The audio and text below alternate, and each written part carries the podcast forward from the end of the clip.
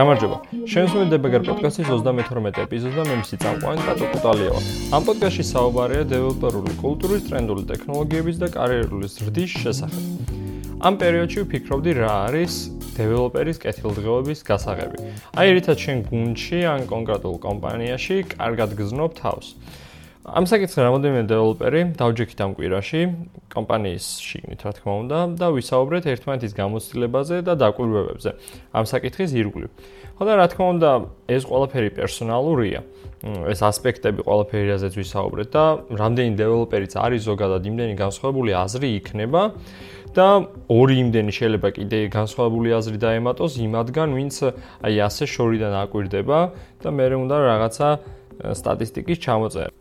მაგრამ რაც არ უნდა იყოს შეგვიძლია რაღაცა ჩარჩო გავაკეთოთ, სადაც ყველაზე მეტად იკვეთება ეს მოცემულობები, აი სწორედ ის მონაკვეთი ავირჩიოთ. სწორედ აი ამ საკითხზე მინდა რომ დღეს ვისაუბროთ, რა არის დეველოპერის კეთილდღეობის გასაღები.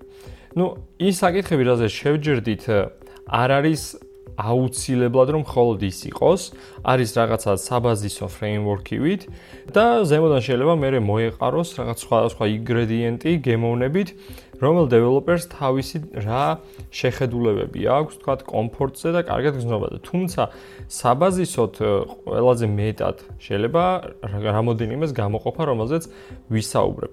იდეაში სანამ მაგაზე გადავალ, მინდა ვთქვა, რომ აი ასეთი რაღაცა პატარა ტესტ კითხვები საკუთარ თავთან, რომ დავსვათ კარიერის განმავლობაში, ძალიან პროდუქტიული არის, რადგანაც შეგვიძლია რაღაც პატარა შეფასება გავაკეთოთ, სად ვართ და საით მივდივართ. მსგავს საკითხზე წინა ეპიზოდებშიც ქონდა საუბარი, როგორ შეიძლება რაღაც ჩვენ თავთან მივხვდეთ, როდის მივახციეთ მიზანს, ხო? აი ესეთი კითხვა არის, ასე დაახლოებით, რომ გავიგოთ, საით მივდივართ და როგორ ვართ ახლა და რამე თუ არ მოგწონს, ესე იგი დროა რომ შეიცვალოს.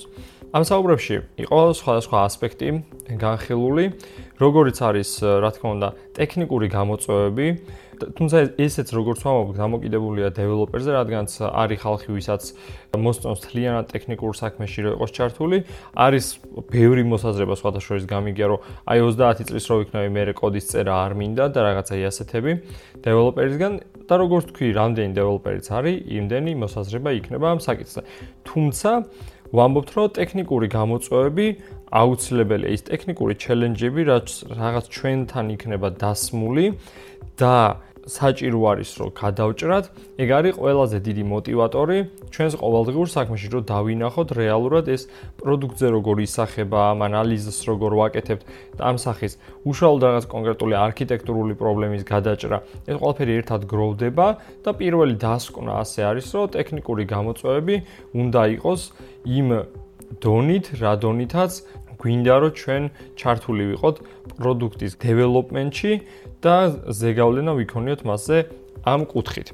თუმცა მოდი ცოტა განვარცვალოთ ტექნიკურ ხარეს და ვიტყვი რომ გუნდში ზოგადად ერთი სპეციფიკაციის ადამიანები არ არიან მხოლოდ არიან სხვა სპეციფიკაციის და კომპეტენციის ხალხი მაგალითად backend developer-ები, iOS developer-ები, Android developer-ები, იქით ანალიტიკოსები, SSS ძალიან ძალიან ბევრი ადამიანები რომლებიც შეიძლება შენ კომპეტენციაში პირდაპირ არ ერეოდნენ, არ ჩინ არ ერევი მათ კომპეტენციაში პირდაპირ, თუმცა შენ რაღაცა ცოდნა გაქვს დაგროვილი იმ სფეროს გარშემო და ძალიან გინდა რომ გაუზიარო ან შენი იდეა მიაწოდო ამ პროდუქტის გარშემო, ოღონდ მათთვის გასაგებ ენაზე. ასე ვთქვათ, მათივე ჭრილიდან, ხო?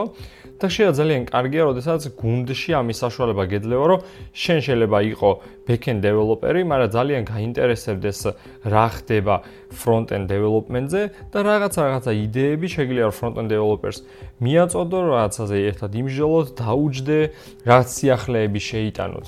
მეთოდიკაში ძალიან კარგი არის, როდესაც შეგიძლია და კომპანია არ გზღუდავს, გუნდი არ გზღუდავს სხვა სხვა კომპეტენციაში უფრო მარტივად გადასვლას, ხო? თუმცა ძირითადი აი ეს ეს არის მაინც გაგრძელება იმ ტექნიკური გამოწვევების, ძირითადი მაინც არის ტექნიკური გამოწვევები. მეორე ნაწილი არის, მე მგონი ძალიან ბუნებრივი არის, და ტრივიალურად ჩანს, მაგრამ როდესაც კომპანია გიფასებს რაღაცას, რაც შენ გააკეთე. თქვათ პროდუქტისთვის, გუნდისთვის, ნებისმიერი რაღაცისთვის. როდესაც თქვათ ძალიან შრომობდი, რომ ეს პროდუქტი წარმატებული გამოსულიყო, ან რაღაც მისი გაშვება წარმატებული ყოფილიყო და ამას ხედავ შენი გუნდი და ხედავ შენი კომპანია. და ხდება აღიარება ამისი და არა ისე უჩუმრად გავლა, ისე რომ არავის რაღაცა არ შეუმჩნევია. აქ არ ვაურო რაღაცა ფინანსური ინტერესი ან რაღაცა იკვეთებოდეს, ხო? საერთოდ ფინანსური ინტერესს რო თავი დავანებოთ, გაჩვნა უბრალოდ რაღაცის და შენი мотиваციის ამაღლება ძალიან მნიშვნელოვანია, რომ ვიღაცა ხედავს შენს ნაშრომს. თუნდაც რაღაცას სერტიფიცირების პროგრამის წარმატება დახურვა, თუნდაც გუნჩი რაღაც ახალი იდეის შემოტანა, რომელიც თურმე სხვებსაც მოეწონა, ხო? რამ რაღაცეების დაფასება შემდგომ ძალიან პოზიტიურ ციას იწევს და დიდი ხანი მიყვება ადამიანს შემდგომ და რა თქმა უნდა, აი ეს არის ერთ-ერთი იმ პრინციპთაგანი, რის გამოც გუნდი უფრო ლოიალური ხდება ერთმანეთის მიმართ და ბედნიერების ინდექსი იმატებს და საქმეს შედარებით კარგად კეთდება. და არის ასევე მესამე დასკვნა, რომელიც თანაკვეთაში მოდის, ასე ვთქვათ, წინა დასკვნის ბოლო ნაწილისკენ, ერთმანეთის პატივისცემა, ერთმანეთის გაზრდა, რაღაც გადაწვისგანაც დაცვა, რაც ზრუნვა და პატივისცემასთან მიგიყვანს საბოლოოდ. აი ეს ზრუნვა, პატივისცემა და ერთმანეთის ზრდა არ არის გამოკვეთილად გადაჯაჭული, თუმცა მათ შორის არის უხილავი კავშირი, რადგან ერთმანეთის თქვა პროფესიულ ზრდაზე თუ ფიქრობთ გუნჩი, ნიშნავს, რომ იქ ზრუნვა და პატივისცემაც არის იმ გუნჩი. და პირიქით, თუ შენ გუნდელზე ზრუნავ და რაღაცა პატივისცემა გამოხატავ, შენ ამავდროულად დიდი ალბათობით დაინტერესებული ხარ, რომ შენი გუნდელიც პროფესიულად ისევე იზრდებოდეს, როგორც შენ და ერთად მიიწევდეთ წინ. სწორედ ეს არის გუნდის ძალა და ეს არის გუნდურობა. ხო და მესამე ასპექტი, რადგანაც მომოთ აი ეს გუნდურობაში რომ შევფუთოთ, არის ერთ-ერთი ყველაზე მნიშვნელოვანი კომპონენტი ამ ამ ფორმულიდან, აი ამ სამი ნაწილიდან, რადგანაც გუნდის გარეშე ძალიან რთული არის რაღაცა ნაბიჯების გადადგმა.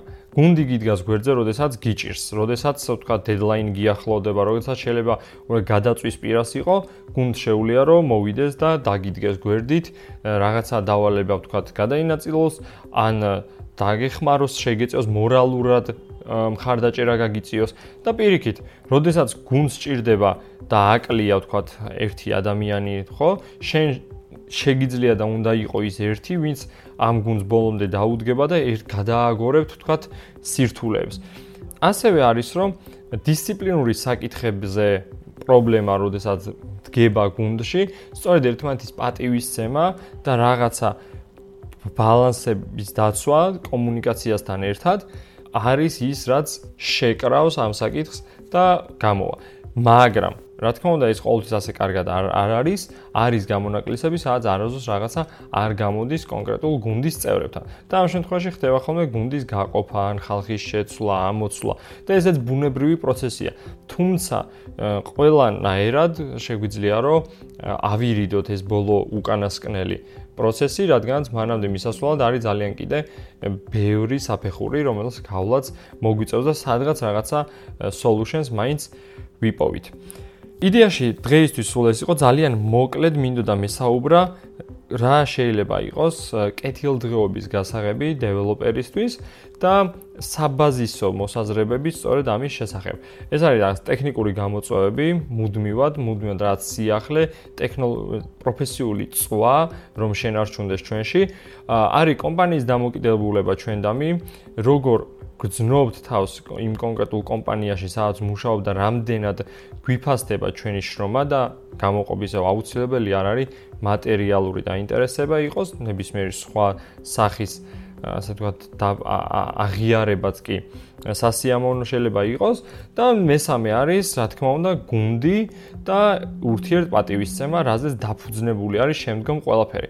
იმიტომ რომ რაც არ უნდა ტექნიკურად წარმატებული ადამიანი იყო და ძალიან მაგრად აკეთებდა შენს თავს შენ შენ თავთან ინდივიდუალურად რაღაცებს, თუ გუნდის წევრად არ ვარგიხარ და თუ არ შეგიძლია გუნდური მოთამაშე იყო, მაგ შემთხვევაში ძალიან ძალიან ბევრ შენს დადებით ტექნიკურ უნარჩვევებს ხაზი გადაესმევა, რადგან სხვა ადამიანთან ამის გაზიარება და კოლაბორაცია არ შეგიძლია ესე იგი. სულ ეს იყო. დიდი მადლობა ყურადღებისთვის. გთხოვთ რომ დაალაიქოთ Facebook გვერდი, გააზიაროთ. თუ რამე კითხვა გექნებათ, მომწერეთ, შევხვდებით შემდეგ ეპიზოდში. მადლობა.